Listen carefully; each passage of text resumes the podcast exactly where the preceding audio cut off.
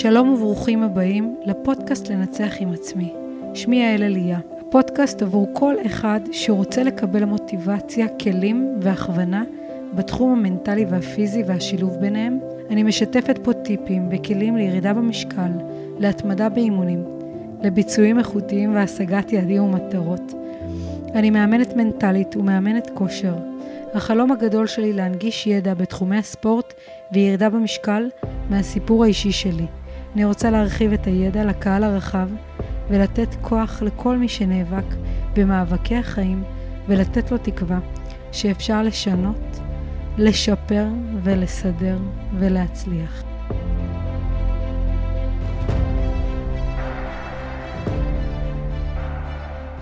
ברוכים הבאים לפרק מספר 11 בפודקאסט לנצח עם עצמי. היום בפרק אני מארחת את גדי סתיו, בחור השראתי, שיש לי זכות לארח אותו.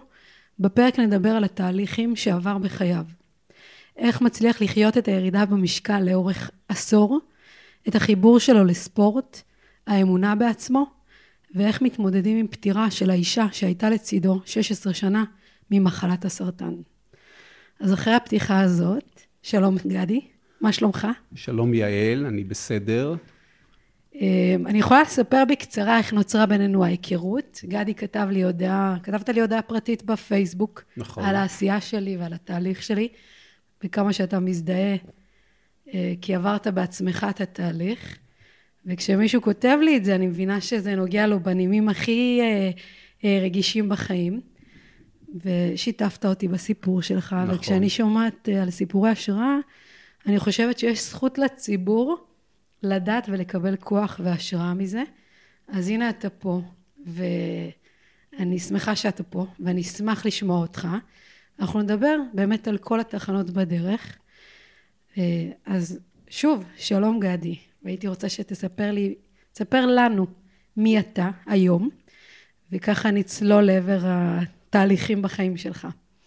אחלה, בסדר. קודם כל, תודה רבה שאת אה, מארחת אותי, גם בשבילי זה זכות, אה, זכות גדולה, לא כל כך רגיל למעמד הזה, אבל אה, מה שהכי חשוב לי זה באמת לשתף אותך ואנשים עם ה... בסיפור שלי.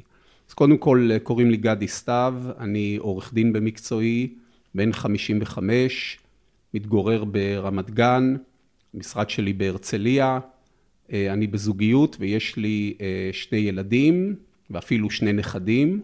וואו. כן, כן, אפילו זה הספקתי. זה, זה מי שאני היום. אני, דיברת על ספורט, ספורט הוא בלי ספק חלק בלתי נפרד מהחיים שלי, הייתי אפילו אומר, חלק מהאישיות שלי ו, ו, ומי שה, וההוויה שלי ומי שאני היום. הספורט העיקרי שאני עושה זה ריצות ארוכות, אבל גם אופניים. בעבר התאמנתי יותר בקבוצת ריצה ולפני כן בקבוצת טריאטלון. עשיתי שמונה או תשעה מרתונים כבר עד היום, הרבה חצאי מרתונים, ריצות ותחרותיות בכל מיני מקומות בארץ ובעולם, בברלין, באמסטרדם, ברומא, בסן סבסטיאן, בתל אביב, בטבריה. חרשתי את כל הארץ והעולם בספורט הזה, ו... אבל זה התחיל, זה תחביב שהתחיל, או ספורט, או חלק, חלק מהחיים שהתחילו לפני כבר למעלה מעשור, ואני אשמח לספר. יאללה. ולהגיד, ולספר לכם על זה, כן.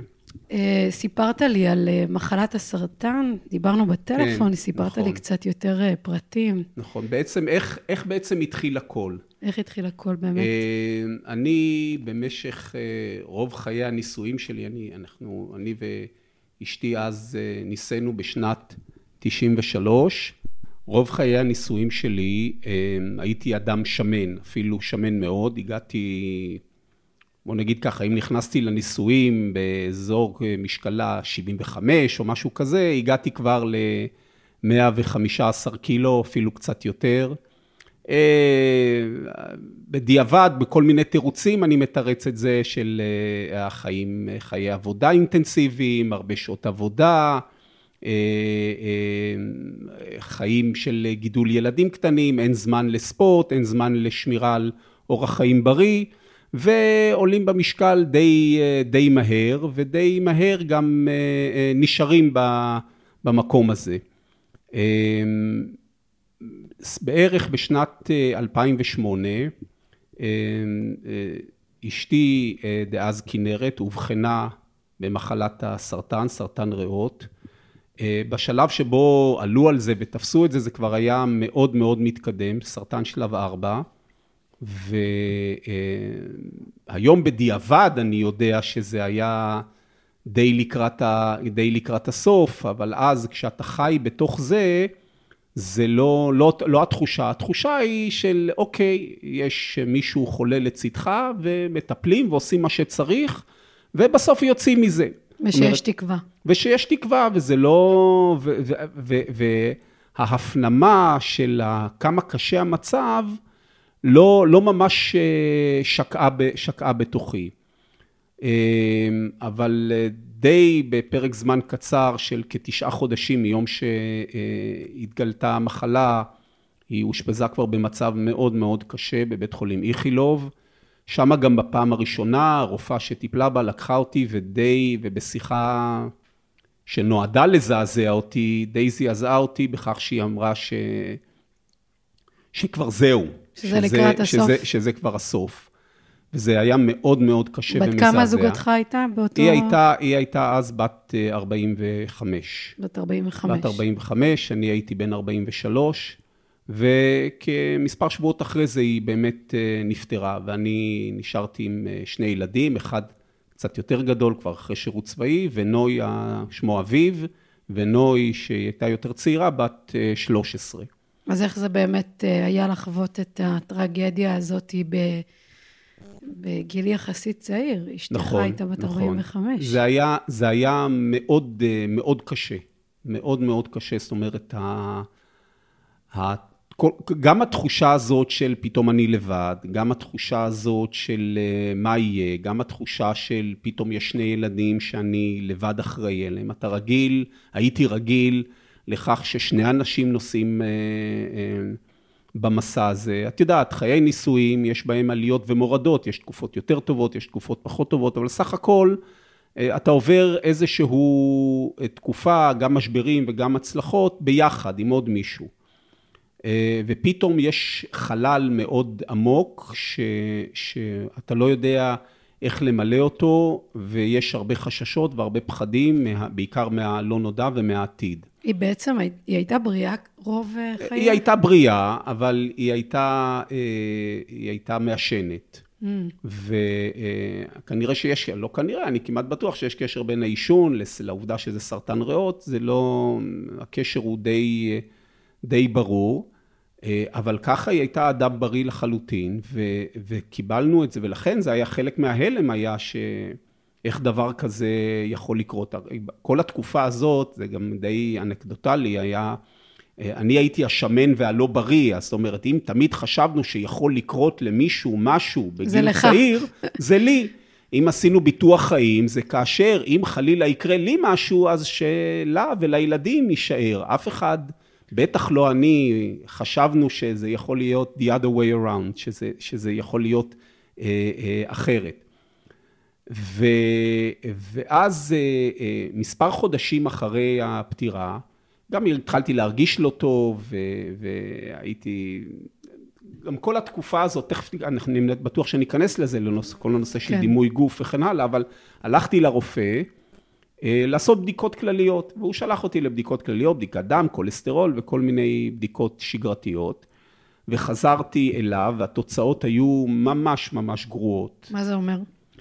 תשמעי, אני לא נכנס כל כך לעניין לא, הרפואי, אבל את יודעת, אני לא זוכר בדיוק את העניין הרפואי, אבל כולסטרול מאוד גבוה, ולחץ דם מאוד גבוה, ותפקוד כזה לא טוב, ותפקוד אחר לא טוב. ומיד אה, אה, הוא אמר לי, אתה חייב לעשות משהו וזה, והוא אמר לי משפט, הוא רופא מאוד, היה מאוד חביב, מאוד נחמד, אבל היה לו משפט שהוא אמר לי, הוא אמר, תשמע, אם אתה לא רוצה לפגוש את אשתך הרבה יותר מהר ממה שנדמה לך, כדאי מאוד שתעשה עם עצמך משהו. יש לך שני ילדים, אתה צריך לעשות... איזה משפט. ממש, ממש. אני לא יודע אם הוא התכונן למשפט הזה, או הכין אותו לעצמו לפני כן מראש, אבל זה היה משפט שנחרט אצלי חזק ובאמת טלטל אותי. בן כמה היית? הייתי בן 43, 43 בערך. ולא כל כך, אז אמרתי, בסדר, אבל מה עושים? הוא אמר, הוא ראה שאני מזועזע, הוא אמר, תשמע, אני אשלח אותך למעקב רפואי כזה ואחר, ולדיאטנית של קופת חולים, היא תכניס אותך פחות או יותר לאיזשהו מסגרת, ואתה לא צריך, אל תדאג, אתה לא צריך יותר מדי. אתה צריך לרדת 7, 7, 8, 9 קילו, הכל יהיה בסדר. אז הייתי, בתקופה הזאת, אני זוכר, הייתי בסביבות 110 קילו.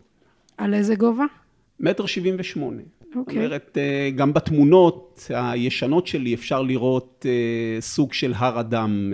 אה, ככה אתה קורא כן, לעצמך? כן, ממש, ממש. הייתי, זה היה, אם כבר נכנסנו לעניין הזה, אז אה, הדימוי שלי בעיני עצמי היה רע מאוד. זאת אומרת, לא אהבתי את הבן אדם שאותו הייתי רואה בראי בכל, אה, כל בוקר. כמה שנים באמת היית ככה? אני חושב שאם בשנה, זו הידרדרות שהתחילה מיד בשנה השנייה בערך לנישואים, אז אני מעריך ש-14-15 שנה, שזה הצטבר? כן, של הצטברות, אבל עלייה מאוד מהירה. נגיד, אם אומרים שאנשים שחיים חיים רגילים, של אה, אכילה לא בריאה ואי עיסוק בספורט, עולים קילו או שתיים בשנה, אצלי זה היה אה, כנראה אכילה אובססיבית, אכילה רגשית, אה, אה, שבאה כנראה להחליף כל מיני אה, בע- פתרונות אחרים, פתרונות לבעיות אה, כאלה ואחרות, של לחץ בעבודה, כמו שאמרתי, ו- וכן הלאה. אז בעצם איך השגרה שלך הייתה אז, מבחינת האוכל? אה, אני, אני לא חושב, עברתי לגור במקרר פחות או יותר, אני חושב. אה, אוקיי. ממש אה, אכילה, אכילה לא מאוזנת, ו... ו... מה זה אומר לא מאוזנת? מת, דברים מתוקים. מה, כמויות מאוד כן, גדולות, גם חבילות כמויות, שלמות? גם, גם כמויות של אוכל וגם סוג האוכל. וגם סוג האוכל. איך בבית עצמו, הילדים וזוגתך לשעבר? לא, הם לא היו, הם לא היו שמנים אה, מעולם. אבל מבחינת המודעות בבית, סגנון חיים. אני לא חושב שהייתה מודעות. זאת לא אומרת, הייתה. זה, זה לא, לא הייתה איזה מודעות, זה לא משהו שהכנסנו אותו לאיזשהו סוג של מודעות, אבל אצלי זה כנראה הלך באופן יותר קיצוני. אני כנראה עשיתי את זה באופן אה, יותר, יותר קיצוני, וזה הגיע לאן שהגיע. הגיע לאן שהגיע. ו... אה, ואז הלכתי, ל... כמו שאמרתי, הרופא שלח אותי ל... לדיאטנית. לדיאטנית, והיו לה שתי המלצות, היא אמרה, אני אכניס אותך לאיזשהו משטר תזונתי כזה או אחר, שתוריד אה, כמה קילו, תגיע לסביבות המאה, נראה לי זה מספיק, ו... והכל יהיה בסדר, וגם תתחיל לעשות אה, פעילות ספורטיבית. אמרתי לה, תשמעי, לא עשיתי פעילות ספורטיבית מאז שנות ה-20, מה את ממליצה? היא אומרת, לא, לא משהו מסובך, תעשה שלוש פעמים בשבוע, חצי שעה הליכה. באמת לא נשמע לי קשה מדי, ו, והתחלתי אה, באותה דיאטה כמו, כמו שהיא נתנה לי, ואחרי שבועיים או שלושה הגעתי אליה לביקור נוסף, אני על עצמי עוד לא ראיתי שום דבר, לא, על. לא, לא הרגישו את זה גם בבגדים, אבל כשעליתי על המשקל הייתי שלושה קילו פחות מהמשקל, מה, מה, מהשקילה הקודמת. ו... וזה היה גם כשהייתי עושה את ההליכות האלה שלוש פעמים בשבוע. ואז נכנסתי לראש שכנראה אם הולכים באיזושהי דרך מסודרת כזאת, כנראה יש תוצאות. ואז המשכתי ב... ב... בדרך שהיא התוותה לי אה, אה, עוד, עוד אה, תקופה של אה, כמה שבועות. לפני, ו... לפני הדרך הזאת, מעניין אותי לדעת, השבוע הראשון שבו בעצם אמרת, אני רוצה לשנות את התזונה. הבנת שאתה צריך לה, להתפקס על זה, ולהניע את עצמך לשינוי גם אה, תנועתי, זה לצעוד ולעשות הליכות. אני רוצה שתחזור לשם, לשבוע הזה, אם אתה זוכר. מה היה מבחינת התחושה? מה הניע אותך פיזית להביא את עצמך למקום הזה שאתה פועל? כי מן הסתם היית, היית שמן כבר תקופה מאוד ארוכה. מה תכלס, קמת ועשית את הפעולה הזאת? היו בעצם, אני די זוכר את זה, זוכר את זה די טוב, היו שני דברים בעצם. קודם כל היה אלמנט רגשי, שהתקשר לכך שמה יקרה, אני, מה יקרה לילדים אם אני לא אהיה פה. זה הייתה המוטיבציה הכי חזקה שהניעה אותי ברמה, ברמה הרגשית. מה יקרה אם חס וחלילה גם ילך ההורה השני? אבל ברמה, ברמה הפיזית, מה שקרה זה אה, ההליכות האלה, זה היו הליכות נמרצות, הליכות מהירות. אתה זוכר את ההליכה הראשונה? אני, אני די זוכר את ה... אני לא יודע אם ממש הראשונה, אבל את הראשונות בהחלט. מה, איך ש... זה באמת הרגיש? זה, זה הרגיש תחושה של התעלות. זאת אומרת, היום כל מי, ש, כל מי שעוסק בספורט, בעיקר בספורט אירובי, יודע שכשאתה רץ או זה, משתחררים אנדורפינים, והיום יש לזה אפקט כימי ו, וכן הלאה, זה נותן לך להרגיש טוב. אני לא הבנתי את זה, אז לא הכרתי, אני רק ידעתי שאני עושה את הפעילות הזאת של ההליכה הנמרצת, ומרגיש נהדר, זאת אומרת, בסוף הזה, גם תוך כדי, אבל בעיקר בסוף שסיימתי, הרגשתי ממש הרגשת התעלות שלא הרגשתי הרבה מאוד... Uh, הרבה מאוד שנים שבהם לא עשיתי ספורט. כאילו... הזעתי, בוודאי. הייתה תחושה לא נוחה? אה, אני לא, הייתה התחושה, הייתה תחושה מוזרה בהתחלה. כי פשוט בגלל שזה משהו שלא הייתי רגיל לעשות אותו. משהו שאתה עוצר את עצמך ולא עושה הרבה הרבה מאוד שנים, ופתאום אתה מנסה להכניס את עצמך להרגלים חדשים. כל השנים האלה אמרו לך, תעשה ספורט, תניע את עצמך, או ש... היו לי, היו לי העירו לי על המשקל. זה לא שמישהו, מי? גם בבית, גם, גם אשתי, גם אה, אה, בני משפחה, גם אה, לקוחות, אה, אבל זה פחות ההערות ויותר המבטים. זאת אומרת, הייתי... אה, סורקים אה, אותך מכף ממש רגל. ממש ככה, ממש ככה. מבטים גם מאנשים זרים, גם מאנשים שאני מכיר, מלקוחות חדשים שנכנסים למשרד, הם עוד לא יודעים למי לפגוש, את מי הם הולכים לפגוש. ופתאום רואים מישהו, ואתה ראית במבט, ולפחות בתחושה היית שלי... היית עורך דין גם אז. כן, הייתי גם אז, ו, ולפחות בתחושה שלי, זו הייתה מין תחושה של... אה, אה, אני הרגשתי לא נעים אה, איך שהם סרקו אותי, והיה לי... הרגשתי רע עם זה. אבל לא מספיק רע בשביל לעשות עם זה משהו. זאת אומרת, לא, לא, עשיתי עם זה, לא עשיתי עם זה שום דבר.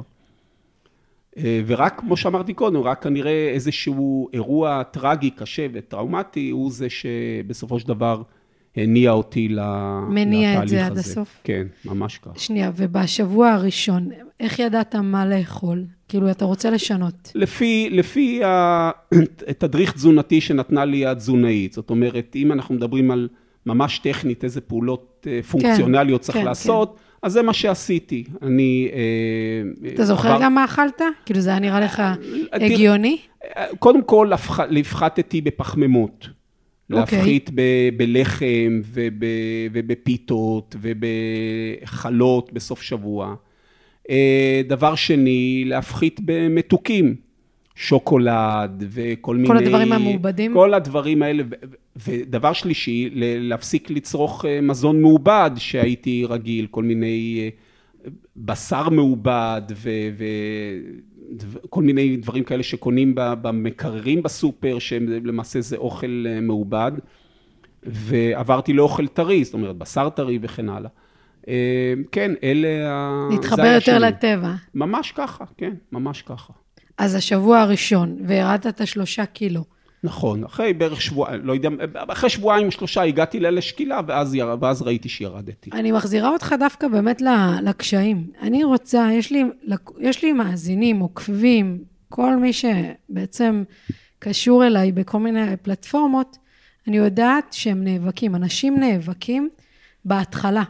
בהתחלה אין את התוצאות של השלושה קילו כמו שלך, זה פוקס. אתה היית בעודף משקל מאוד גבוה, וגם גברים, יש להם יתרון, הם פתאום מורידים ככה כמה קילוגרמים, בשונה מנשים שצריכות לעבוד הרבה יותר ולהזיע יותר מגברים, ו, ומאוד קשה.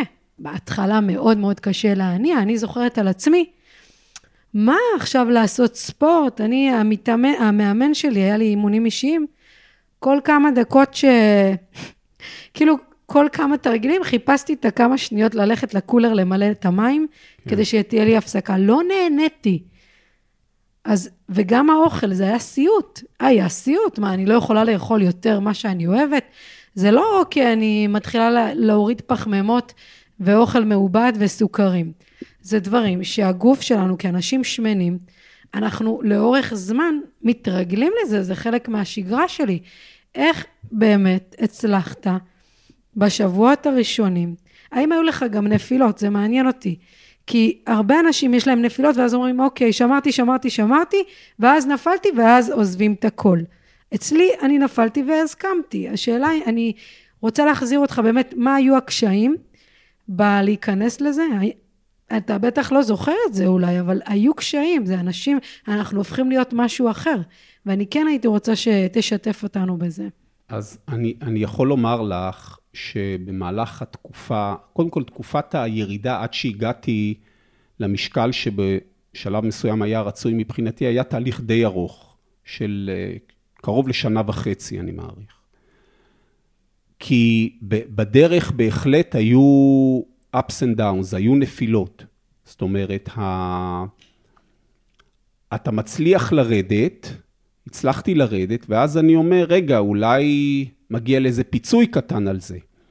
והפיצוי הקטן הזה, זה, זה כמו, אני לא הייתי כזה, אבל אני שומע מסיפורים, זה כמו אלכוהוליסט שהשתקם, ואומר, אוקיי, אז עכשיו מגיע לי איזה כוסית, כוסית קטנה, קטנה של וויסקי. ו, ובתקופה הזאת, בהמשך יכולתי, אבל בתקופה הזאת זה היה באמת סיטואציה גרועה מאוד, רעיון מאוד גרוע, לפצות את עצמי במשהו קטן על המאמץ הגדול ש, שעשיתי. אז בהתחלה, שם היו הנפילות. מה זה קטן באמת? מה, מה זה פיצוי קטן ב... אני אומר, אז... לקחת אה, חתיכת שוק, קוביית שוקולד. למה זה, זה... כי ברגע שאתה לקחתי קובייה אחת... כל החפיסה נגמרה? לא יודע אם כל החפיסה, אבל... אבל אה, אני יכולה להגיד על עצמי, כן, לא, כל החפיסה. אז אני אומר, לקחתי עוד אחת ועוד אחת, ו, ואחר כך רגשי האשמה מתחילים לפעול שעות נוספות. למה עשיתי את זה? ו- ולמה אני לא שומר על עצמי, ולמה אין לי אופי, ולמה אין לי כוח, אה, ולמה אני אה, נכשל, ואולי כל התהליך הזה ייכשל, ו- וכן הלאה. מה שהחזיק אותי, זאת אומרת, אני נורא נהניתי מלעשות את ההליכות, אני גם הגברתי, זאת אומרת, במקום לעשות שלוש פעמים חצי שעה, התחלתי כבר לעשות את זה כל יום וקרוב לשעה. עדיין לא ריצה, כל הזמן סביב הנושא הליכות. של הליכות. לא האמנתי בכלל שאני אגיע לריצה. אבל הגברתי את ההליכות והתחושה הייתה מדהימה. זאת אומרת, התחושה של, הש... של אה, אדרנלין והאנדורפינים כבר, כל היום הייתי מחכה, גם אז הייתי מתאמן בערב, זה לא כמו היום שאני מתאמן בבקרים.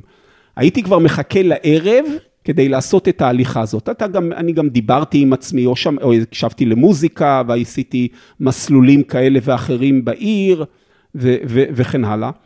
ו, ולזה חיכיתי, ו, וזה מה שעזר לי, זה דבר אחד שעזר לי להתגבר אחר כך על עצמי ולהגיד, אוקיי, תהיה חזק, אל תיפול בכל הדברים המתוקים והזה, ו, והצלחתי. זאת אומרת, לאורך אותה שנה וחצי שאני מתאר, בשלב מסוים באמת גם הפסקתי כמעט לגמרי עם הסוכרים והשוקולדים וכדומה, וגם אה, אה, אה, עם פחמימות. אני חושב שתקופה מאוד ארוכה לא, לא, לא נגעתי בפחמימות. זה בפן הפיזי. אני אומר שוב, בפן הרגשי, הנפשי, הרצון להיות שם בשביל הילדים שלי, גם להיות דוגמה בשבילהם, גם בשביל להראות להם שאפשר, וגם ברמה הכי בסיסית שיש, הם איבדו את אימא שלהם, שלא יהיה חלילה מצב שגם יאבדו את אבא שלהם. זאת אומרת, החשש הזה מאירוע טרגי הניע אותי מאוד מאוד חזק. זה מנוע מאוד מאוד אה, חד חזק. חד משמעית, חד משמעית. אבל באיזשהו שלב, זה מפסיק לי, אתה מפסיק לי להיות על מנוע ההישרדות של אני רוצה לחיות, ועובר למנוע של וואלה, זה כיף לי ואני רוצה עוד יותר מה... מהכיף הזה. וזה קרה כשהתחלתי, כשהתחלתי לרוץ.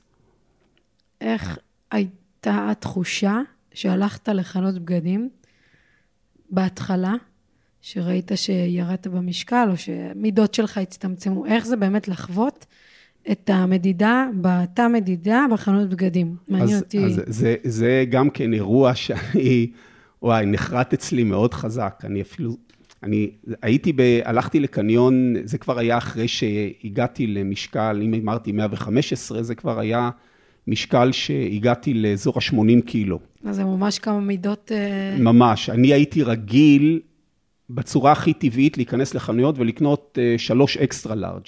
אוקיי. וכשהתחלתי לרדת, אז הייתי סביב ה... כבר משקלים יותר, יותר נמוכים, אקסטרה לארג' אחד ואחר כך לארג', אבל זה, ה... זה האזור. והלכתי לסליו והייתי צריך לקנות חולצה. ו... ונכנסתי לחנות, ואמרתי, אני רוצה את החולצה הזאת, אז היא שואלת אותי באיזה מידה המוכרת שם, אמרתי, תביאי לי מדיום. ולבשתי את החולצה, ואני מסתכל בראי, ולא כל כך נוח לי בה בכתפיים, ו- וככה, זה לא יושבת כל כך טוב. אמרתי, מה זה, חולצות בסליו יושבות בדרך כלל טוב. ומסתכל עליי, עליי המוכרת, אני חושב שהייתה תיכוניסטית, או אולי חיילת, לא יודע מה. היא אומרת, אה, כן, בטח שלא נוח לך, זה גדול קצת, אתה, אולי אני אביא לך שמאל. אמרתי לה, איזה שמאל, על מה את, מה את מדברת? היא אומרת, כן, בוא נביא, מה? אני אומרת, לא, אני חושב שאת טועה.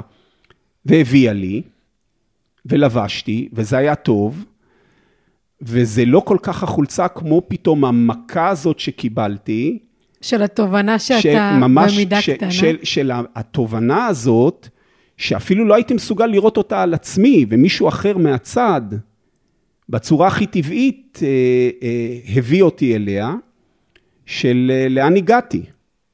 למשהו ש... ש אם היית אומרת לי את זה, היית שואלת אותי בתחילת התהליך, בחיים לא הייתי, לא הייתי מאמין. שנייה, כשכל התהליך הזה, לא הסתכלת על עצמך במראה, לא החלפת את הבגדים?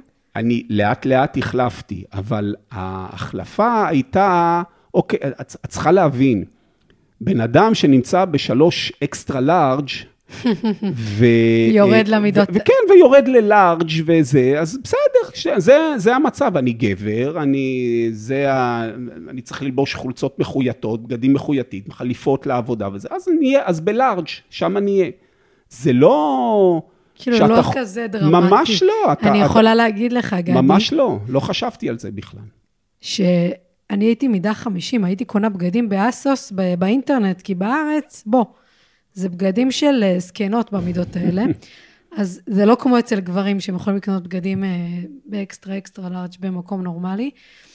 ופתאום אני נכנסת, בתהליך שלי ירדתי פחות משנה, ממידה 50, עכשיו, הייתי הרבה יותר קטנה מהיום אפילו, הייתי, הגעתי למידה 34.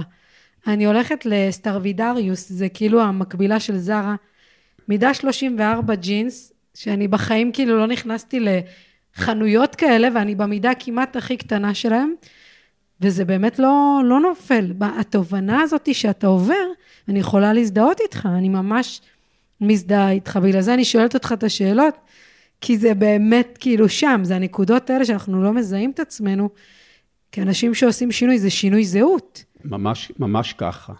ו, ומה שעוד הוסיף לכל העניין הזה, פחות או יותר כן. באותה תקופה, אה, הייתי מגיע הרבה, אז גרתי בהרצליה, הייתי מגיע לפארק הרצליה. וראיתי שם קבוצות של אנשים ש... שרצים. זאת אומרת, אני הולך, עושה סיבוב והליכה, והם רצים. אני עושה עוד סיבוב, והם רצים. אני מסיים עשרה סיבובי הליכה. סיבוב אז היה בפארק הרצליה, הסיבוב הפנימי הוא קילומטר. אז אני אומר, סיימתי עשרה קילומטר הליכה, והם עדיין רצים. ואני זוכר שאמרתי לעצמי, אני לא יודע איך, אני לא יודע מה, אני לא יודע מתי, אבל זה מה שאני רוצה לעשות, אני רוצה לרוץ. והתחלתי קילומטר אחד, וחזרתי להליכה, ואחר כך שני קילומטר, לאט לאט, וחזרתי להליכה. אני זוכר שכשהגעתי לשלושה קילומטר רצוף, אז אה, אה, אמרתי, זהו, הגעתי למה, ש, למה שאני רוצה. אה, אבל אחר כך אמרתי, רגע, אבל, אבל אני מרגיש כל כך טוב, למה לא, למה לא יותר? ולאט לאט המרחקים עלו והסיבובים עלו, ו, ובאיזשהו שלב אמרתי לעצמי, אני, אני ארוץ עשרה קילומטר. אני ארוץ עשרה קילומטר. מתי התחלת לרוץ? באיזה חלק של התהליך? אמ, אני חושב בחלק, אמ, די לקראת הסוף של התהליך. רוב הזמן זה היה, זה היה הליכות. זה די לקראת הסוף של התהליך, בוא נגיד אם אמרתי שנה וחצי, אז קרוב לסוף אותה שנה וחצי, ואז גם נרשמתי לחדר כושר בספייס בהרצליה. ו, ואז שילבתי את שני הדברים, גם, גם לרוץ אה, הייתי רץ או על ההליכון ב, בחדר כושר, או בחוץ, ב, בפארק. ובהמשך גם התחלתי להגביר קצבים, זאת אומרת, לא היה לי עוד שעון, אפילו שעון יד כזה של, של ריצה, שעון GPS, אמ, אבל בחדר כושר הייתה, אתה עולה על המכונה, ויש שם מד אה, מרחק ומד אה, וקצב וכן הלאה, ושם הייתי מגביר את הקצבים והתחלתי לרוץ עוד ועוד ועוד, מעבר לעשרה קילומטר ו-12 ו-13.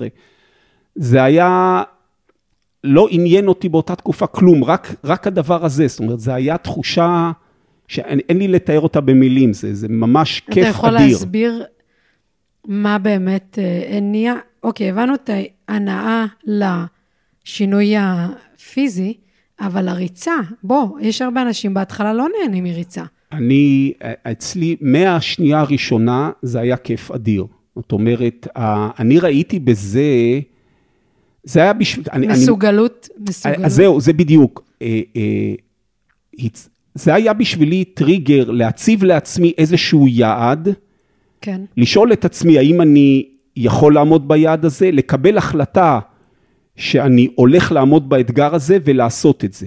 זאת אומרת, בספורט זה די קל לנו, בספורט של, של ריצה, בספורט של, ש, שמודדים זמנים וקצבים. יש מלא מדדים. בדיוק, אתה יכול להגיד, היום רצתי 10, מחר רצתי 11 קילומטר, 12, זאת אומרת, השינוי הוא מאוד מוחשי, ורואים אותו בעיניים ומרגישים אותו על הגוף. אתה רצתי אתמול 10, היום אני רץ 11. זה, זה, זה שינוי שאתה רואה אותו, זה לא משהו אמורפי, זה משהו שממש מוחשי ו, ו, ונוגע בך. ו, ואני זוכר למשל, ש, שהייתי מציב לעצמי אתגרים, למשל, אמרתי, אני, למרות שזה נשמע משעמם, אני על המכשיר ריצה רוצה לרוץ 15 קילומטר. 15 קילומטר זה כבר חתיכת מרחק, ועוד לרוץ את זה לא... עשית את זה בהדרגה?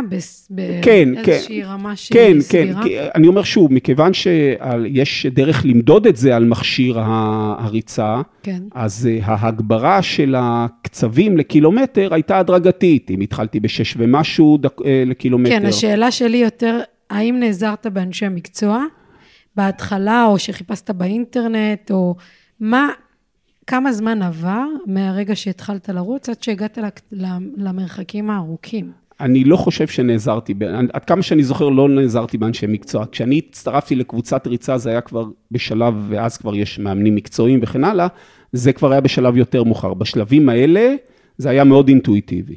מאוד אני עם עצמי ומה שאני מקבל החלטות עם עצמי, כן.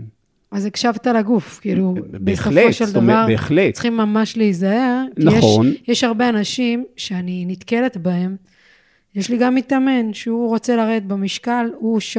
כל החודש הראשון הוא קרע את עצמו, וזה עושה, זה ממש ממש מסוכן.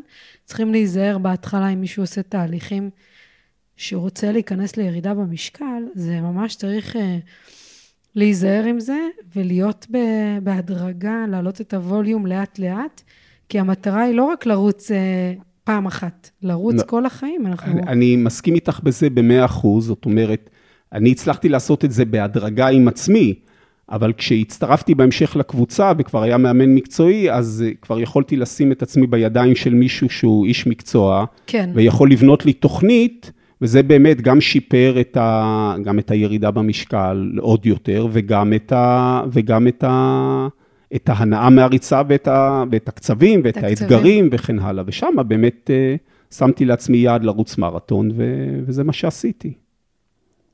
מתי עשית את המרתון הראשון?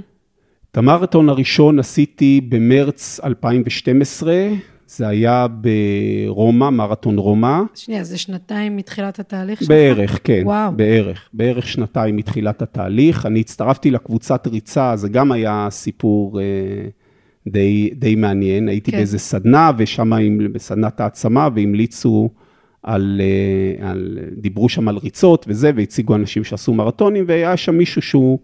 אה, מאמן בקבוצה, והם אמרו לי למה ש... והציעו לי להצטרף אה, כן. לקבוצה, ואכן אה, הצטרפתי.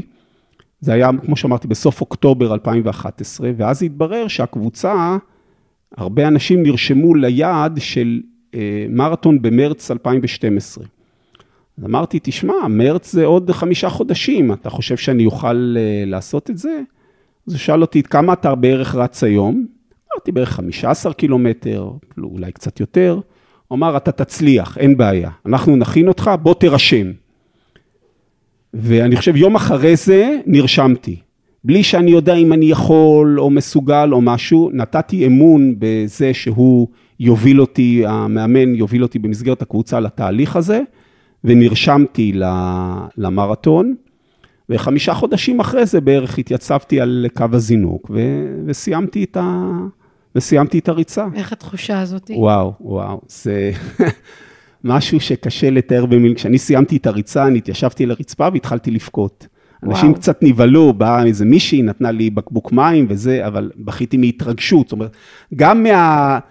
סך הכל זה... כמה uh, זה מרתון? 42 קילומטר. 42, 195. אה, זה הדיוק, אבל יש... נכון. 42 קילומטר. האם אה, גדי של 115 קילו היה מעלה על דעתו שבכלל יוכל להגיע לדבר הזה?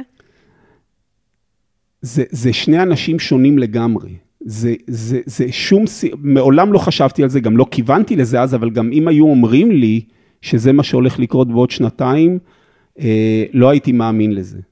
זאת אומרת, ה... לרוץ מרתון זה לא רק להתאמן. כמו שבן אדם שמן לא יורד במשקל רק כי הוא אוכל חסה. זה שינוי מהותי בדרך החשיבה שלך, במטרות שאתה מציב לפניך, באתגרים וביעדים, ובאומץ לעשות את זה. להעמיד את האתגרים האלה ולהגיד, אני יכול ואני הולך לעשות את זה. זה שינוי, זה, זה טרנספורמציה של ממש שינוי של 180 מעלות באישיות, של, של, באישיות שלי. זהות אחרת. חד משמעית. גם היום, אגב, כשמסתכלים על התמונות שלי, של לפני ואחרי, רואים שני אנשים שונים. זאת אומרת, גם אין שום דמיון בפנים בין הבן אדם ששקל... ויזואלית. נכון, בין הבן אדם ששקל 115 קילו לבן אדם ששוקל היום 73, 74 קילו, אין שום דמיון ויזואלי בפנים, זה שני אנשים שונים. כי גם באופי וגם במי שאני מהותית, זה שני אנשים שונים. אם הייתי אז אדם שלא היה בו, לא האמין בעצמו, ו, ו, והיו לו כל מיני... אבל עדיין היית בן אדם מצליח ב...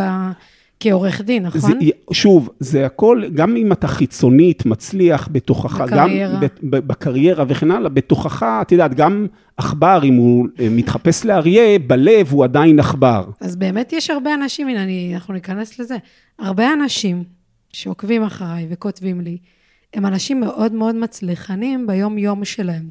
יש להם קריירות, הם מוכשרים, טאלנטים, הכל.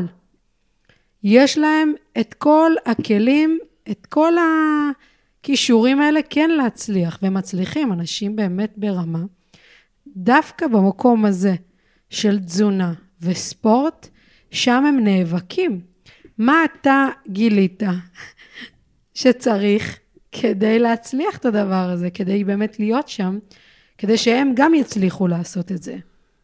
אמ, אני חושב שהדבר העיקרי זה, קודם כל, אה, זה, זה אה, לדעת שאתה צריך להעמיד בפני עצמך יעדים ואתגרים שנראים בלתי מושגים, ולחלום שאתה יכול להשיג אותם.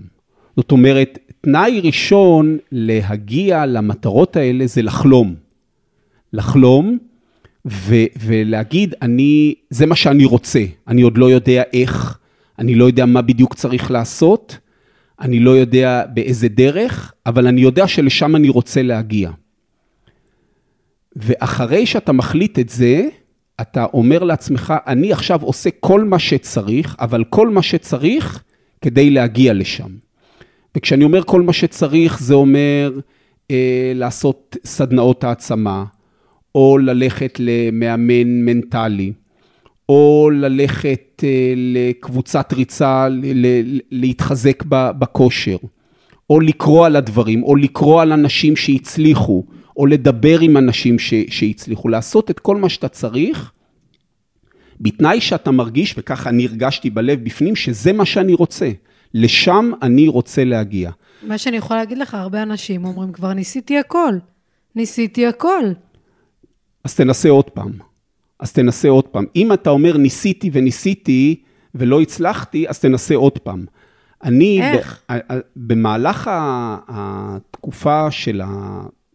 כבר 12 שנה שאני בעולם הזה של הספורט, אני למשל נפצעתי המון פעמים. כן. פציעות ספורט, כל מי שמתעסק בספורט ברמה כזאת, למרות שזה חוב, ספורט חובבני, אבל זה ברמה מאוד גבוהה מקצוענית. זאת אומרת, אם אתה מתאמן, אתה מגיע למצב של מעל 100 קילומטר בשבוע באימונים, אה, במיוחד שמתאמנים למרתונים.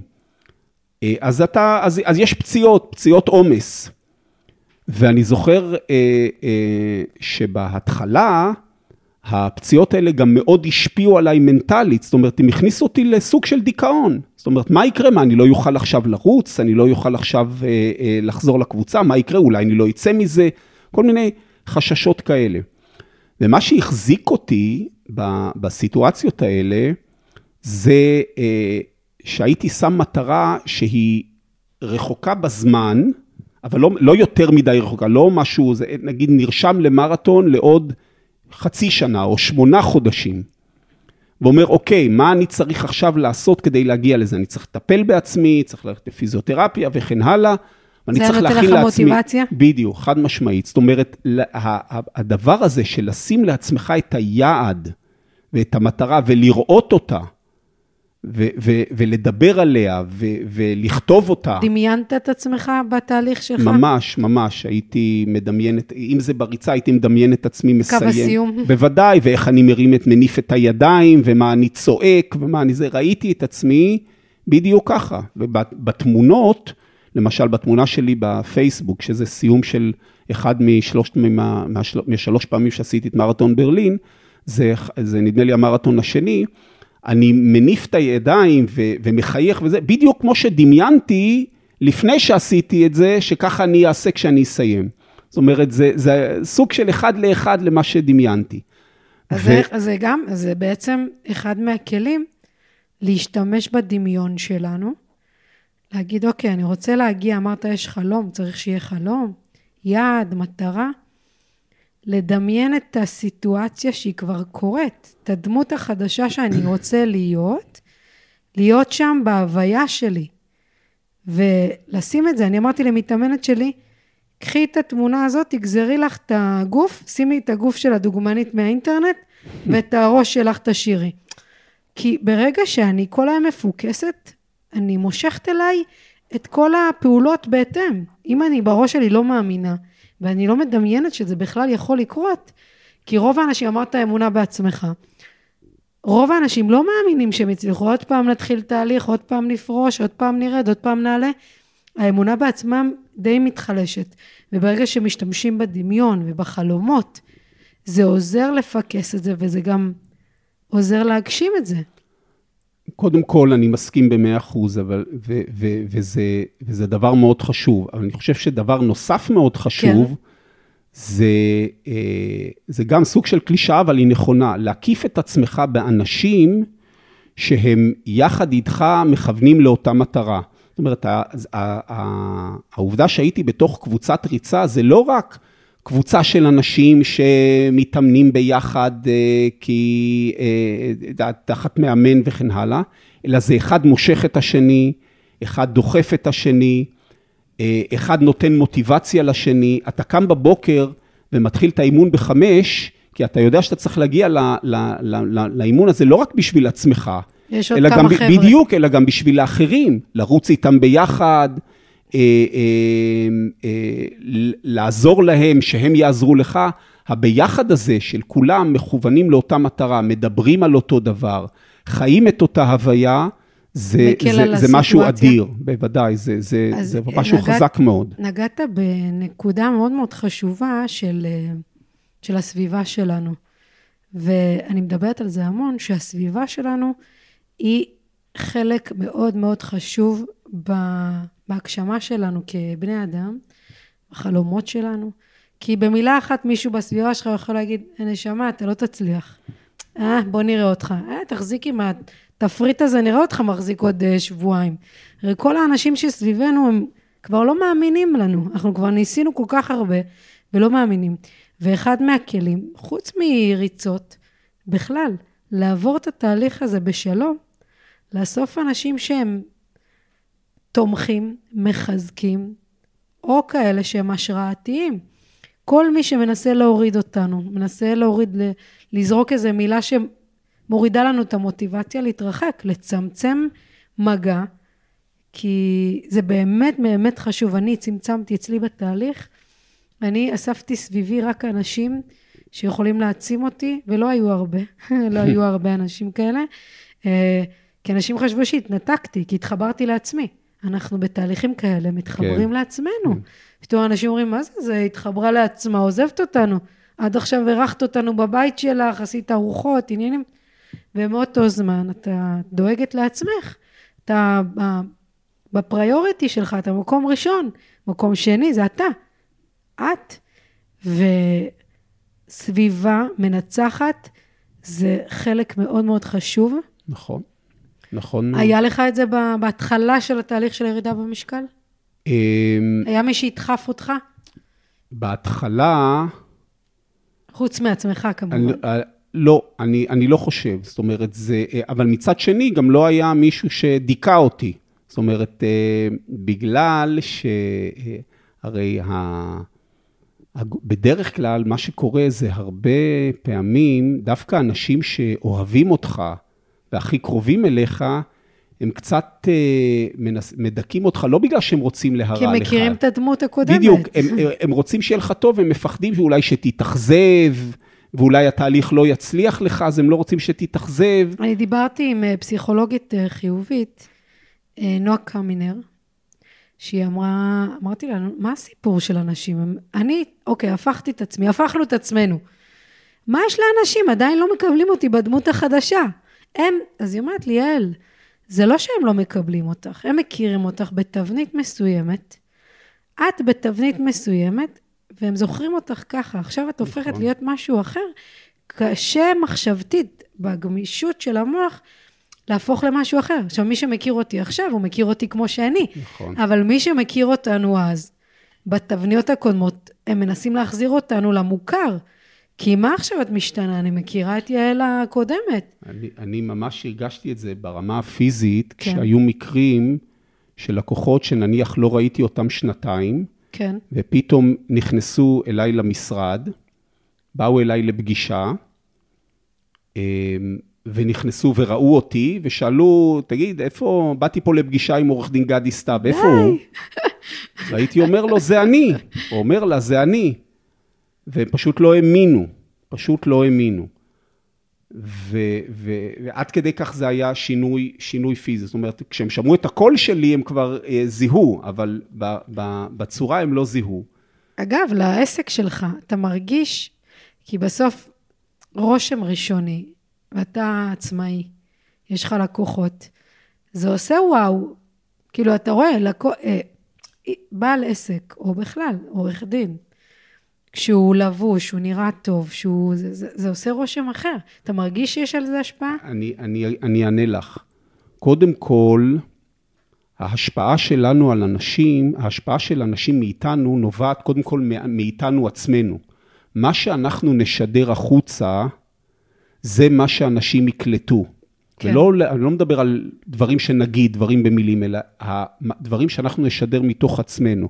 אם אנחנו נשדר ביטחון בעצמנו, אם אנחנו נשדר שאנחנו מאמינים בעצמנו, ואם אנחנו נשדר עוצמה וכוח, זה מה שאנשים יקלטו וירצו להתחבר לזה. זה גם מה, מהניסיון ממש האישי, הפרטי שלי, ש, אה, שהיה לי יותר קל לחבר אנשים ולהתחבר לאנשים, אני מדבר כרגע על לקוחות, בתור אני החדש ולא, ולא אני הקודם. למה? כי האמונה בעצמי, ביכולות שלי, במי שאני, הייתה כל כך חזקה, שכמעט לא היה מי שלא התחבר לזה. זאת אומרת, אנשים פשוט התחברו לזה, ואני הרגשתי את זה גם בפידבקים שאנשים אמרו לי וסיפרו לי. אבל רוב האנשים לא מדברים על זה, רוב האנשים פשוט מתנהגים ככה. הם רוצים לבוא אליך, והם שולחים אחרי זה אנשים אחרים אליך. טוב, יש לך רמת אנרגיה גבוהה, אתה מתחיל את היום שלך בריצות. נכון. עושה טוב. אימונים. יש זה... הבדל בין אנשים שבאמת עושים ספורט על הבוקר, ויש כאלה ש... טוב, פה את נכנסת ממש לעולם אחר של ספורט בוקר מול ספורט ערב. לא, אני... בכלל ספורט, רמת אנרגיה גבוהה. אני... וכשאנחנו באנרגיה גבוהה, אנחנו ממגנטים הרבה אנשים אלינו. חד משמעית, אני איש של ספורט בוקר. זה אומר לקום לפני השעה חמש, ולא יאוחר מחמש, חמש ורבע, בכל המאוחר, להתחיל את האימון. ו- ואימון ממש רציני, כדי שבשבע, שבע וקצת אני כבר אחרי. אז באמת, תארי, לתאר לעצמך שאתה מתחיל את יום העבודה בשמונה ומשהו במשרד, או בתשע, אחרי שאתה כבר... אה, דאגת אה, לעצמך. פחות, בין שעה וחצי לשעתיים של, של אימון, על כל מה שקשור בזה, אה, גם ברמה הפיזית, גם ברמה הנפשית, גם ברמה החברתית, גם... צריך להבין, אנשים אומרים, שואלים אותי, נגיד, מדי פעם, איך אתה, איך אתה מתאמן ככה, איך אתה מחזיק מעמד, איך כן, אתה לא מתעייף. כן, באמת איך אתה מחזיק. ראיתי אותך, אני, אני רואה אותך כל הזמן. אני אגיד לך, אני, אני אגיד לך מה אני עונה להם. נו. כמו שאתה לא היית שואל בן אדם שיוצא לבילוי בערב, איך הוא מחזיק מעמד במסעדה כן, או בבית קפה. כן, אבל בילוי זה כיף, זה, אנשים יגידו לך. זה בשבילי, זה הבילוי וזה הכיף שלי. זה ממש בילוי וכיף. אני אוכל בבילוי הזה את האוכל שמתאים לזה, או שותה משקאות איזוטונים, זה ה... במקום הבירה ששותים במס... בבית... במסעדה או בפאב, אז זה, זה מה שאני שותה. אני לובש את הבגדי ריצה, כמו שאנשים יוצאים בערב לבלות, לובשים בגדים. בקיצור, זה סוג של כשאתה בילוי... כשאתה יוצא. לריצה, אתה אומר, וואי, איזה הנאה מדהימה תהיה לי? המ... ברוב המקרים כן. זאת אומרת, תראי, עד היום לא התרגלתי לזה שהשעון מצלצל ואני קם בשעה מוקדמת בבוקר. זה תמיד בשניות הראשונות קשה. אבל התחושה של מה הולך להיות... באיזה שעה אתה קם?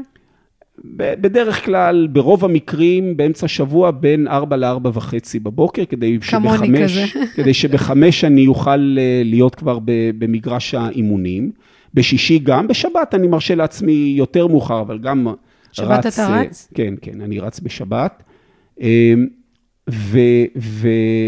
ואלה השעות שאני, שאני מתחיל, אני, אם, אם אני לא עושה את זה, חסר לי משהו. אני ממש מרגיש בגוף ובעצמות שחסר לי משהו בבוקר אם לא עשיתי את הפעילות הזאת.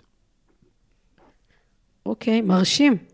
תודה, תודה. דיברנו על זה, על כמה יחידות אה, אימון יש לך, ראינו שיש איזה לפחות עשר יחידות. נכון, נכון. גם אימוני כוח, גם אימוני... נכון, uh, נכון.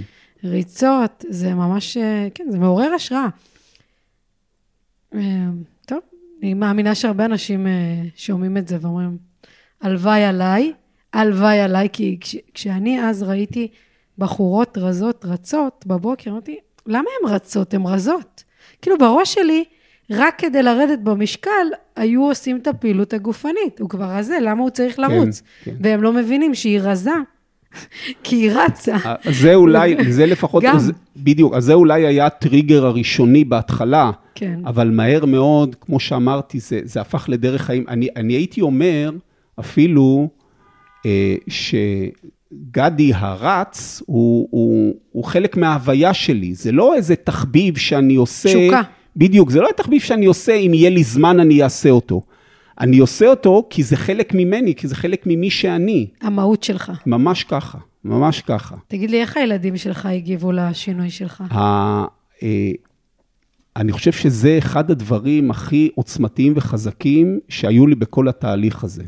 זאת אומרת, העובדה שיכולתי לשמש השראה והשפעה לילדים שלי, שראו אותי עובר מהאדם שהייתי לאדם שאני היום, היה ממש מטלטל, גם עבורי וגם עבורם. אה, כשאתה עובר תהליך כזה, אתה לא צריך להגיד לאנשים, בואו תעשו ספורט וזה.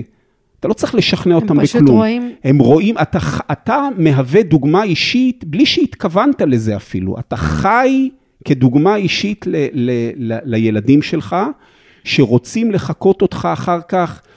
אני לא מדבר כרגע רק על, ה, רק על הספורט באופן ספציפי, אלא בכלל. בדיוק, להיות, להציב מטרות, להיות חזקים, לדעת שאפשר להשיג דברים, לדעת ש, שב, שב, שיש בתוכנו כוח מספיק חזק בשביל אה, אה, להציב את אותם יעדים ולהצליח בהם, לא משנה אם כרגע אם זה ריצה או, או ספורט אחר, או בכלל לא קשור בספורט, קריירה, מצליח, עבודה וכן הלאה. אתה מצליח להשפיע על, על הסביבה הקרובה ואולי הרחוקה שלך גם בתחום בתח, הזה? בתחושה שלי כן.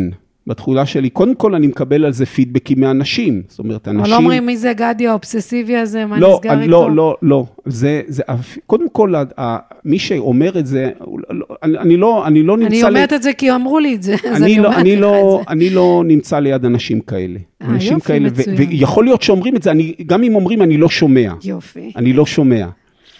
האנשים שאני נמצא איתם ומכיר, בין אם זה מתכוון או בין אם זה יצא ככה, זה אנשים שתומכים ו- ומקבלים השראה מהדברים שאני עושה. ומחזקים אותך. ממש ככה, ומחזקים אותי, ממש ככה.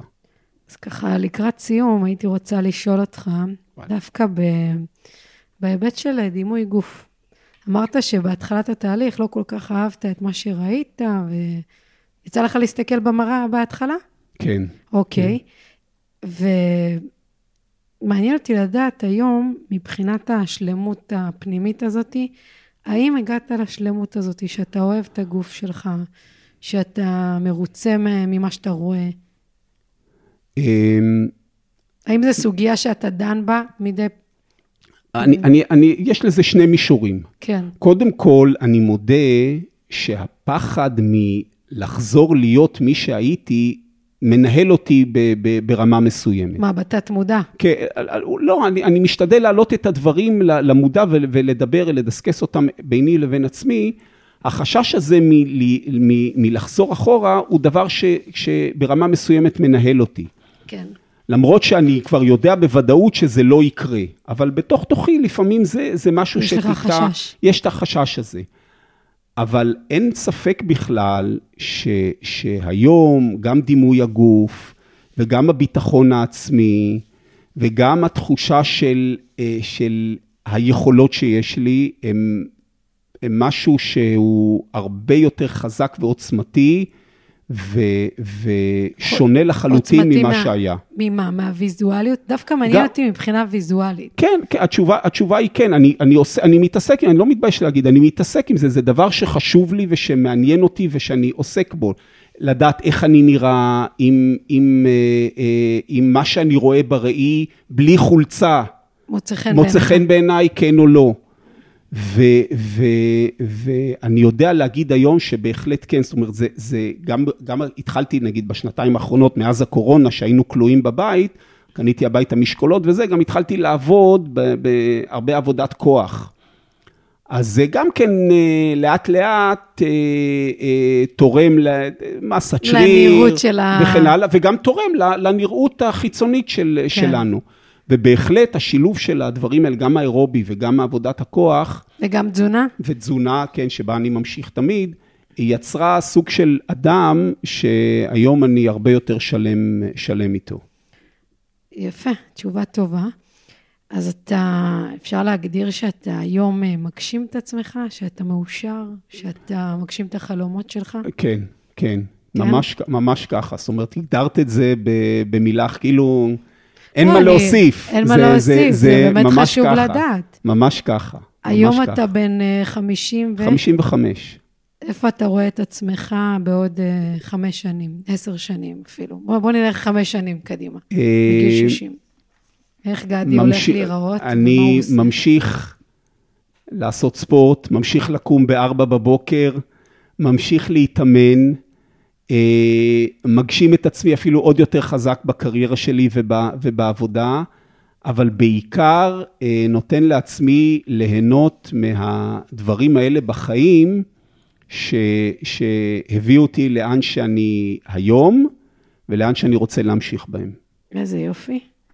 זה לגמרי סיכום טוב למה שהיה פה. תודה. זה אני... עובר מהר, השעה הזאתי. ממש כך. אפשר לדבר פה שעות ורק פשוט להריץ את זה. נכון. אז, אז, אני חייב להגיד שלדבר על התהליך שעברתי זה דבר שבא לי הכי טבעי. כי עברת את זה, עברת נכון, במסע. אני חושב שמי שעובר מסע כזה ותהליך כזה, מאוד חשוב לו גם לשתף אחרים ולהוות סוג של השראה איך בשבילהם. אתה משתף אנשים? חוץ אני- מה... ח- אני, אני, כשאני שומע סיפורים, כשאני פוגש אנשים, אני פשוט מתחיל לדבר איתם על זה. אני מחמיא להם על התהליך שהם עברו, ו, ואנחנו מדברים על זה, ואנשים תמיד שמחים לדבר על זה. ואם אנשים דווקא בקשיים בעניין הזה ופונים אליי ומדברים איתי על זה, אז אני משתף אותם, אני מספר להם על הדרך שאני עברתי.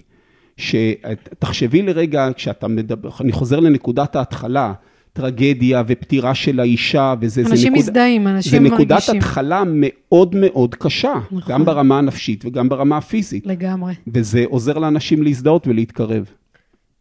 לגמרי, בהחלט. אנשים בקושי. מי מאזין לי? זה אנשים שצריכים את הכוח. נכון, נכון. אנשים שצריכים השראה. נכון. אנשים אומרים לי, מה עם הפרקים? יעל, מה עם הפרקים נכון. שלך? ואני חושב, אני גם הקשבתי לחלק מהפרקים שלך, אני חושב שהם מדהימים, אני חושב שאת עושה עבודה מדהימה, קודם כל עשית עבודה מדהימה על עצמך, ודרך זה את מהווה השראה לאחרים, והפודקאסטים האלה שאת עושה, והרעיונות האלה, ו- וגם השיחות האלה שאת מקיימת עם, עם, עם אנשים, ו- ומקליטה את עצמך ומעלה את זה, זה מאוד מאוד חשוב, זה נותן השראה לאנשים. ו- זה רק ההתחלה, גדי. אני אומר, ותמשיכי ככה. זה רק ההתחלה. בדיוק, תמשיכי אנחנו עוד ככה. כמה שנים נשמע את הפרקים האלה ונגיד, וואו, גדי היה בפרק מספר 11.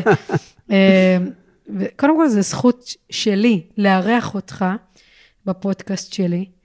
אה, אני מאמינה שזה נתן המון המון השראה וכוח לאנשים שצריכים את זה, גם בתחילת הדרך, גם באמצע, גם אחרי. היום פגשה אותי מישהי בבניין ואמרה לי, יעל, אני עוקבת אחרייך, את לא מבינה? אני ירדתי מזמן.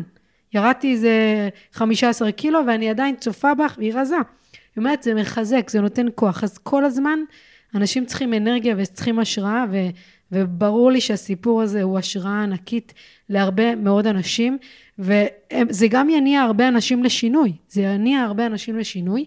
אז אני רוצה להודות לך על הזכות הזאת, ואנחנו בטוח ניפגש בנמל, בריצות. ב- נכון, נכון. אני רוצה להודות לך על ההזדמנות שנתת לי ל- ל- ל- לדבר שלי. כך ולדבר לאחרים, ובהזדמנות הזאת גם לה- לה- להזמין אחרים, אם מישהו רוצה לדבר, לשאול. איך אה, באמת יוצרים איתך קשר? יש אפשרות, או, או? בפייסבוק, או שאני יכול לתת את מספר הטלפון הנייד אנחנו שלי. נצרף את זה בפודקאסט למטה, את הפרטים שלך, בסדר, ונוכל, אה, אין שום אה, בעיה. מי שירצה לש... באמת ליצור איתך קשר, אז אין שום בעיה. תודה רבה לכם שהאזנתם לך. עד כאן. תעבירו, תשתפו למי שרלוונטי, למי שצריך כוח. כאלה שנאבקים במשקל ביום-יום. לי יש את הזכות לעזור לאנשים אצלי בסטודיו, אז אם אתה או את רוצים לשמוע איך כן אפשר לשפר וצריכים עזרה, מוזמנים לפנות אליי לשיחה, שיחת היכרות בטלפון שלי, במספר 050-211-0682. אפשר למצוא אותי באינסטגרם, יעל אליה, ובפייסבוק, ותמיד אני שמחה לעזור.